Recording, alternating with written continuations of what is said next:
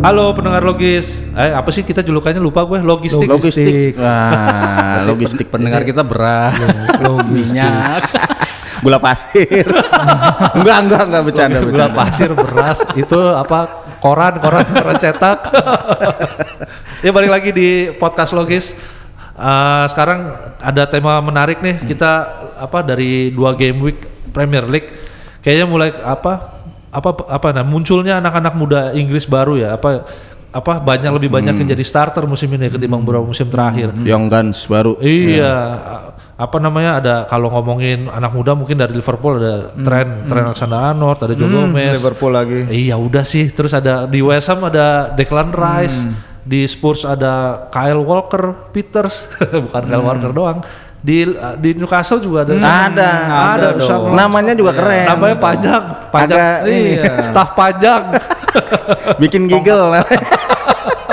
long staff. Long staff. Eh, iya, terus di di Arsenal juga gitu. Ternyata Unai Emery jago juga apa promosiin apa berani anak muda ya. Iya, ada iya. Nelson, ada backnya Maitland Niles, aduh susah namanya.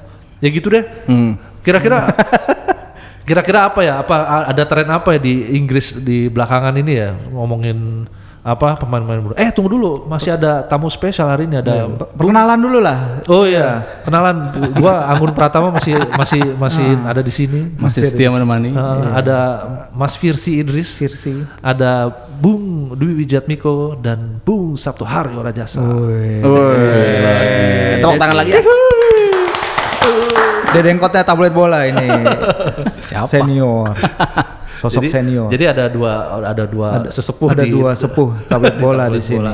Ya gitu. Kita nurut aja gue. Nah, Iya. Ada ada Jadi Bang Ian. ada Bang Ian Situmorang yang sedang mengawasi. Enggak, enggak, enggak. Enggak bohong-bohong. Ya, balik lagi deh ke tema itu, The Rise of England Youth. Cielah. Jadi kira-kira ada tren-tren ini kenapa ya penyebabnya ya? Kalau kalau ngelihat stok pemainnya, stok pemainnya membaik, jauh membaik kan. Kalau kita lihat Inggris yang selama ini jadi lawakan ya, tidak, tidak hanya di level eh, senior terutama, bahkan di level junior gitu kan. eh, tim ini jarang sekali berprestasi. Waktu dipegang Stuart Pearce sempat bagus gitu kan.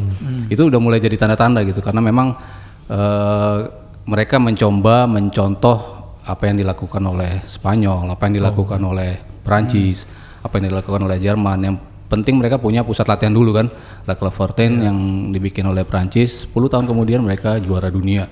Spanyol juga kan bikin Las Rosas juga kan pusat eh, timnas mereka adalah di pinggiran di Depoknya Madrid lah. Di, di ping- Ini ada satu orang Depok ya.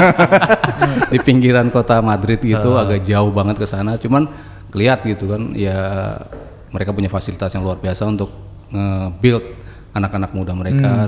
Tidak hanya timnas bermain di situ cuman mereka ngebangun eh, anak-anak eh, youth-nya terus terakhir Inggris kan dengan St George's Park-nya yang Gue sempat luar biasa St. George Park sama St. James Park. Sempat.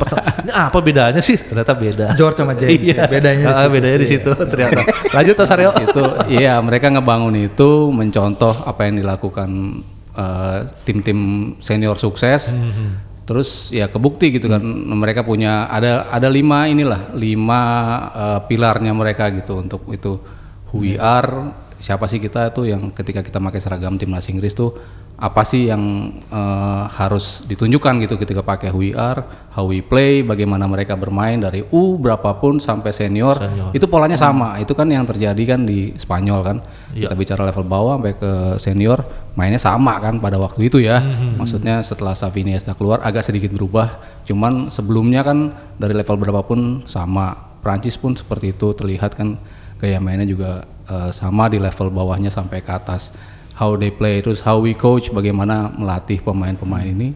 Sama how we support bagaimana kita support mereka secara eh, apa pemain-pemain muda ini di, eh, maksudnya dari sisi semuanya lah. Ipteknya diperhatikan gizinya diperhatikan semuanya itu gimana untuk ngebangun pemain-pemain muda. Dan kan kebukti kan ketika ini sudah dijalani dari 2012 atau 2013 gitu 2014 akhir. yang mereka ngebangun St. George's Park itu kalau nggak salah 12 atau 13 gitu ya. It- akhirnya mereka eh, udah kebukti ke sini mereka bisa juara Euro Junior U19, lalu Piala Dunia U20, masuk final U17, lalu masuk semifinal U21. Jadi kan di semua level kan kebukti kan. Ditambah Tim Piala senior. Dunia, Tim tim, seniornya. seniornya sampai semifinal loh. Siapa yang ngira sih Inggris bisa sampai semifinal Terus kan? menang adu penalti lagi kan. Iya, berapa kutukan bisa bisa dilepas. Jadi ketika semuanya berjalan beriringan dan kebukti aimnya sama, ya itu makanya diterusin sama Inggris dan ini kan yang membuat kalau kita balik ke youthnya, pasokannya jadi banyak kan, pasokan pemain-pemain mudanya yang mungkin kalau kita kalau Inggris harus berterima kasih ya mungkin sama Pochettino dulu kan. Ketika di Southampton dia munculin pemain-pemain muda Inggris yang bagus-bagus. Akhirnya ketika ke Spurs diterusin lagi pemain-pemain mudanya dipakai terus. Akhirnya untungnya juga pelatih-pelatih yang bagus di dunia ngumpul di Inggris gitu kan. Jurgen Klopp masuk dia juga percaya pemain-pemain muda. Pep Guardiola masuk percaya juga sama pemain-pemain muda. Ada Phil Foden di situ juga bagus kan. Terus siapa lagi? Ole Ole juga Iya, Ole memainkan pemain-pemain muda juga. Jadi ketika pon pemain atau apa wadahnya itu sudah banyak, kolamnya udah banyak, enak kan untuk dicomot gitu. Kalau selama ini kan mereka nggak punya. Pemain-pemain muda ya gimana caranya gitu. Cuman kalau kita lihat overall ya, kita lihat bicara pemain-pemain U23 yang ada di level tertinggi sepak bola eh, Liga Dunia belum Inggris masih ada di 15% pemain-pemain U23-nya. Paling tinggi Spanyol 20 23 persen, lalu Perancis 22 persen, penggunaan di tim utama ya. di tim utama i- eh, Bundesliga 15 persen, Padahal Bundesliga yang setahu gua paling kayak kesannya Jerman, kesannya. nah, tapi sekarang Betul, belakangan lagi 15 anjlok ya. persen dan Inggris 14 persen. Paling enggak mereka sudah naik ke level itu kan dari sebelumnya sama sekali nggak ada, Hmm. tapi sekarang tidak hanya pemain Inggrisnya tapi pemain mudanya juga dipercaya. Mungkin itu ya kenapa mereka sekarang banyak sekali. Jadi mungkin dari level FA-nya juga dia bikin tadi yang lima itu ada ku- semacam kurikulumnya jelas Iya, gitu ya iya. di di apa namanya di panduan di setiap mungkin itu ngomong setiap klub kali ya. Jadi Iya. apa namanya pelatih-pelatih mudanya dikasih Standar lah. Iya dikasih apa pelatihannya ini loh yang standar yang kita mau. yang Jadi kita ntar mau. Iya. anak mudanya di di klub mana pun hasilnya ya mirip-mirip. Sama Ya, nggak beda jauh. Tergantung talentanya sama apa istilahnya keinginan dia untuk jadi pemain pro itu segede apa gitu kan. Paling bedanya itu.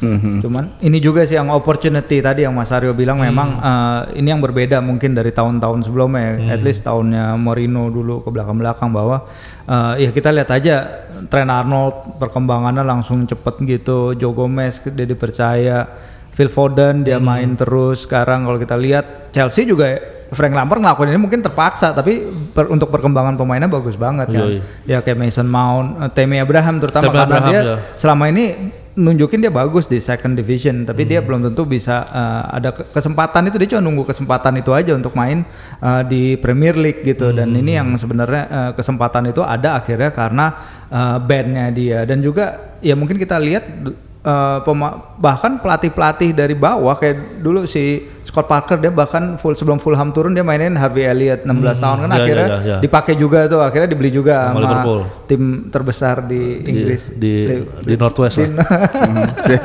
Siapa sih? Pa- paling nggak paling gede di di, Mel, di, di, di Melwood lah paling gede lah. ya, mungkin lima tahun lalu pun bahkan nggak kepikiran gitu ketika uang pertama masuk ke Premier League terutama setelah Chelsea naik banget kan bahwa pemain kayak 16 tahun kayak Harvey Elliott tuh bisa main gitu di Premier Iya, League dan ya inilah mungkin shiftnya juga dari pelatihnya Mason Greenwood juga akhirnya muncul kan jadi Iya, bagus banget kan United ya. Solskjaer makanya itu Tapi sih. mungkin ada, ada, ada mungkin ke, keperluan United apa klub-klub Inggris terutama di Premier League untuk jebolin pemain muda mungkin Iya. karena pemain lokal tuh harga mahal dulu ya. Mungkin nyangkut sama Mas Aryo dulu karena di kolam itu ikannya dulu nggak sebanyak sekarang gitu. Jadi harganya dulu kalau ngeliat anak-anak muda Inggris kan harganya premium ya. Iya. Jadi orang apa banyak yang memanfaatkan kondisi itu apalagi ada yang aturan home ground itu kan. Iya, iya. orang klub-klub gede yang tadinya males apa belum bisa apa nelorin pemain muda akhirnya kan beli pemain muda yang mahal-mahal gitu kan. Walaupun belum tentu Iya. terbukti gitu kan. Nah sekarang kan karena mungkin karena kolamnya isi Udah ikannya banyak. udah mulai banyak apakah harga harganya akan terus menurun? Tapi kayaknya ngeliat Harry Maguire masih harga 80 juta 85 juta kayaknya masih ya belum kalau ya. menurut gue sih ya harga itu juga yang yang membuat eh, klub-klub sekarang Inggris terutama ya eh, mulai fokus coba ngembangin pemain-pemain mudanya karena eh, pergerakan harga transfer emang udah Gak nggak bisa akal. dicegah dan nggak masuk akal gitu. Sekarang eh, ya harga Neymar lah Neymar 200 juta euro kal- kalau menurut gua juga juga udah kebangetan sih udah udah terlalu jauh gitu. Eh, nah sekarang mungkin klub-klub Inggris juga melihat ada satu kejadian yang mungkin da- di beberapa tahun terakhir yang membuat mereka semakin sadar mereka punya punya talenta yang bagus. Eh, bagaimana Man City melepas Jadon Sancho ke ke Dortmund, Dortmund dan ternyata berkembang. Kemudian yang tadi disebut Aryo eh, tahun 2017 mereka juara Euro Junior, juara Piala Dunia Junior. Sebetulnya talenta itu ada dan itu yang rasanya yang sekali lagi disebut sama Aryo, Aryo kayaknya paling jago Iya, dari iya. yang ditunjukin. Kayaknya seneng banget lo maksud apa yang ditunjukin Mas Ari? apa yang ditujukan?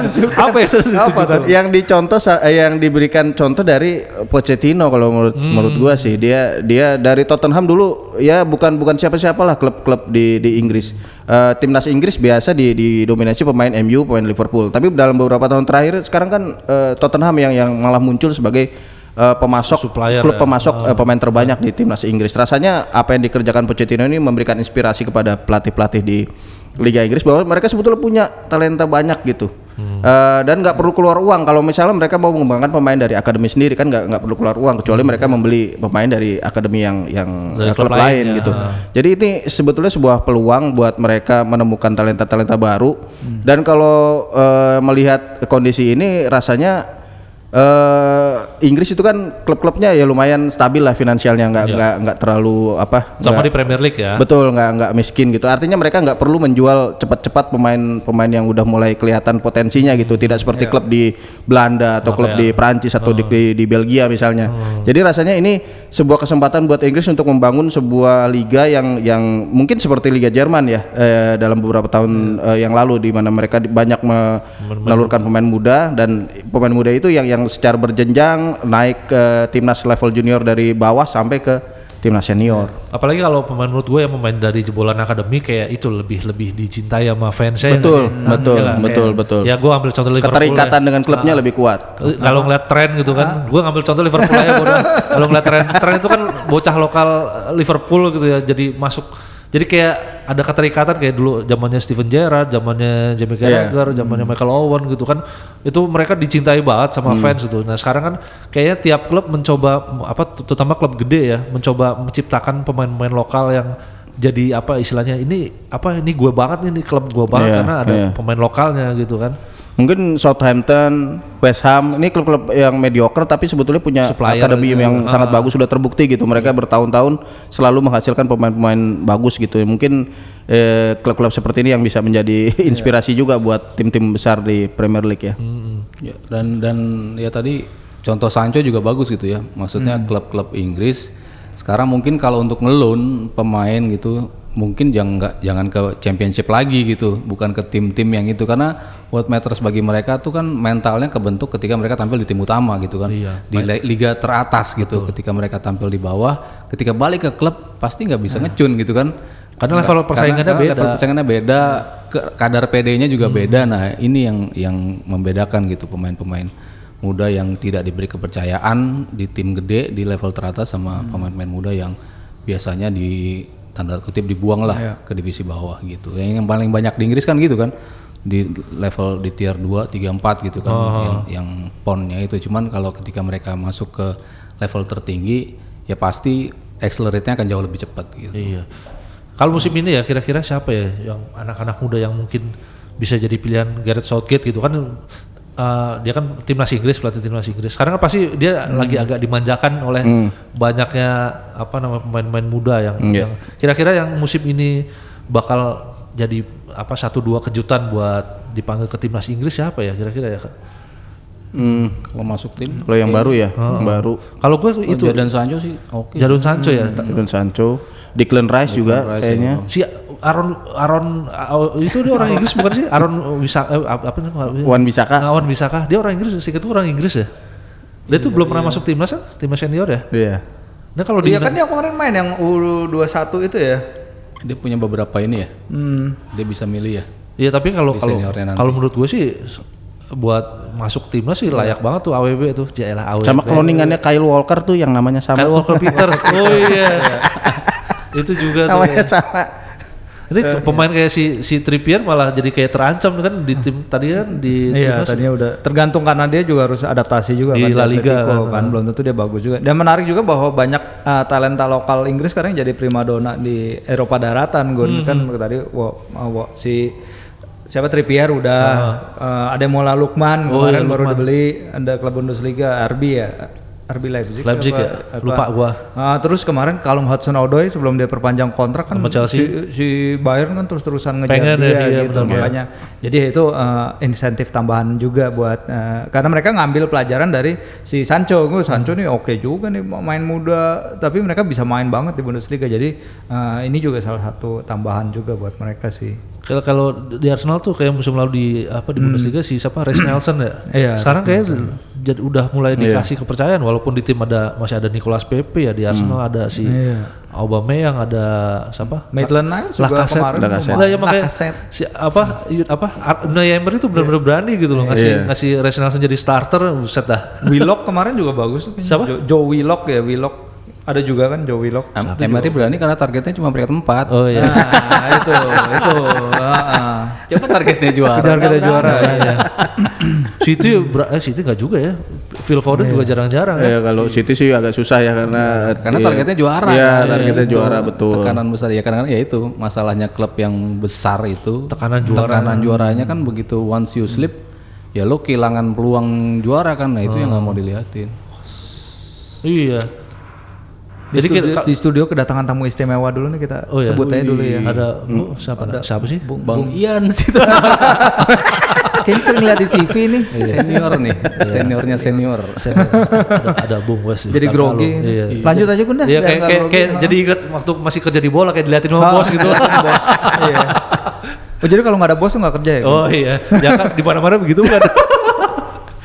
lanjut lanjut. Jadi kebetulan juga pemain apa di musim ini juga manajer-manajer itu juga percaya ya sama Iya. anak-anak muda ya. Iya. Selain selain apa tadi Ole di pekan pertama kalau nggak salah ada dua atau tiga pemain muda yang dimainin kan ada yang istilahnya jebolannya dari akademi lah ada si siapa Andreas Pereira ada walaupun bukan Hmm. Oh, orang Inggris iya, ya iya, iya, iya. ada siapa Ra- Ra- Rashford itu kan juga jebolan iya. akademi ada Dia kemarin tuh United menurunkan line up paling Termuda muda, ya? Iya. starter termuda dari eh, 10 tim, eh, 20 tim Premier League yang main di pekan pertama. Artinya sebuah eh, langkah yang berani dan dan dan apa ya harus diapresiasi lah dari Solskjaer. Eh, United kan ya bukan bukan klub-klub papan bawah, papan menengah bawah, tapi klub yang juga selalu diperhitungkan tiap tahun menjadi juara gitu. Jadi artinya ya kalau tadi bilang Aryo bilang tekanan juara selalu menghadirkan eh, keharusan untuk memainkan tim-tim terbaik, United nyatanya bisa kok gitu. paling nggak di di pekan-pekan awal ya Iya. Padahal United gampang sih, cuman ngilangin Ashley Young sama Valencia. Udah langsung, langsung Langsung muda. anak muda ya semua muda. betul Lagi, betul betul. Ashley Young Ashley Young masih di tim masih Masih. ya? Masih Kapten nggak kan? jadi dilepas. Iya, kapten kan ya harusnya ya Harusnya kapten. harusnya kalau dia main, Ah, kalau dia iya. dipilih jadi kapten. kemarin kaptennya siapa gue lupa pekan pertama siapa ya Siapa ya kaptennya? De Gea bukan Pogba ya siapa sih gue lupa Ya itulah pokoknya. Ya antara iya, De Gea atau iya. Pogba lah. iya ya ya udahlah eh ngomong-ngomong kalau di Indonesia bisa diterapkan kayak gitu nggak sih Anak- susah ya akademi kayak gitu tiap klub Kan waktu itu kita sempat sempat bikin kayak diskusi gitu kan. Waktu itu sama Bu Sekjen. Mereka kan dia kalau diterapin sih luar biasa itunya. Maksudnya dari ada elit elit ini kan, ada elit competitionnya, Jenjang usianya. jenjangnya tuh dari U15, 16 terus sampai ke atas. Tapi kan will it work apa enggak itu yang menjadi masalah. Cuman paling tidak blueprintnya udah diliatin. Iya. Asal stick gitu kan sama plannya. Itu kan yang dilakukan sama Perancis, Inggris, seka- Inggris sekarang, sebelumnya Spanyol, Jerman. Jerman. Mereka stick sama plannya gitu kan. Jangan di tengah jalan berubah-berubah. Karena Nah, ini yang yang yang menurut gua bikin di Indonesia susah. itu sih apa selain apa ada alasan politik orang Indonesia itu nggak sabaran tau nggak Iya. ngelihat karena tekanannya Gun Eh, harus iya. juara. Karenanya, iya. Tekan ya elah Padahal, juara apa? padahal kapan juaranya? Juara AFF. ya udah sih puasa sek- sekedar 5 6 tahun lagi tapi bisa punya apa ya istilahnya punya sistem akademi yang bagus dan lain ya menurut gua ya nunggu 6 Iya, tahun iya, lagi iya, tuh 10 tahun lagi juga masalah. Orang AFF terakhir tahun berapa? 91 Yang penting sih kan? ada ada liganya. Eh, akademi itu dari jenjang usia itu setiap jenjang usia itu ada Harusnya ada ada ya. liganya, ada kompetisinya dan itu yang yang bisa menjamin eh, keberlangsungan pemain gitu. Dia dari mungkin dari SSB naik ke U12, U14, U16, U18 ada jelas Jenjangnya gitu. ya, ha. dan perkembangannya jelas gitu. Dan kalau itu bisa dilakukan sih kenapa tidak? Cuman masalahnya itu tadi yang Aro bilang apakah ini bisa bekerja? Print eh, apa blueprintnya sudah ada. Cuman Mau diikutin apakah- apa enggak gitu iya ya. modal sponsor mau biayain kompetisi junior enggak? Itu yang yang yang Paling masih nggak kan jadi kendala. kompetisi U21-nya udah ada. Ya. Kompetisi U19-nya udah ada. Nah, yang ke bawahnya Yang kan yang penting kan. iya. Dari situ kalau semua klub wajib punya kayak di kayak di mana? Di Thailand lah.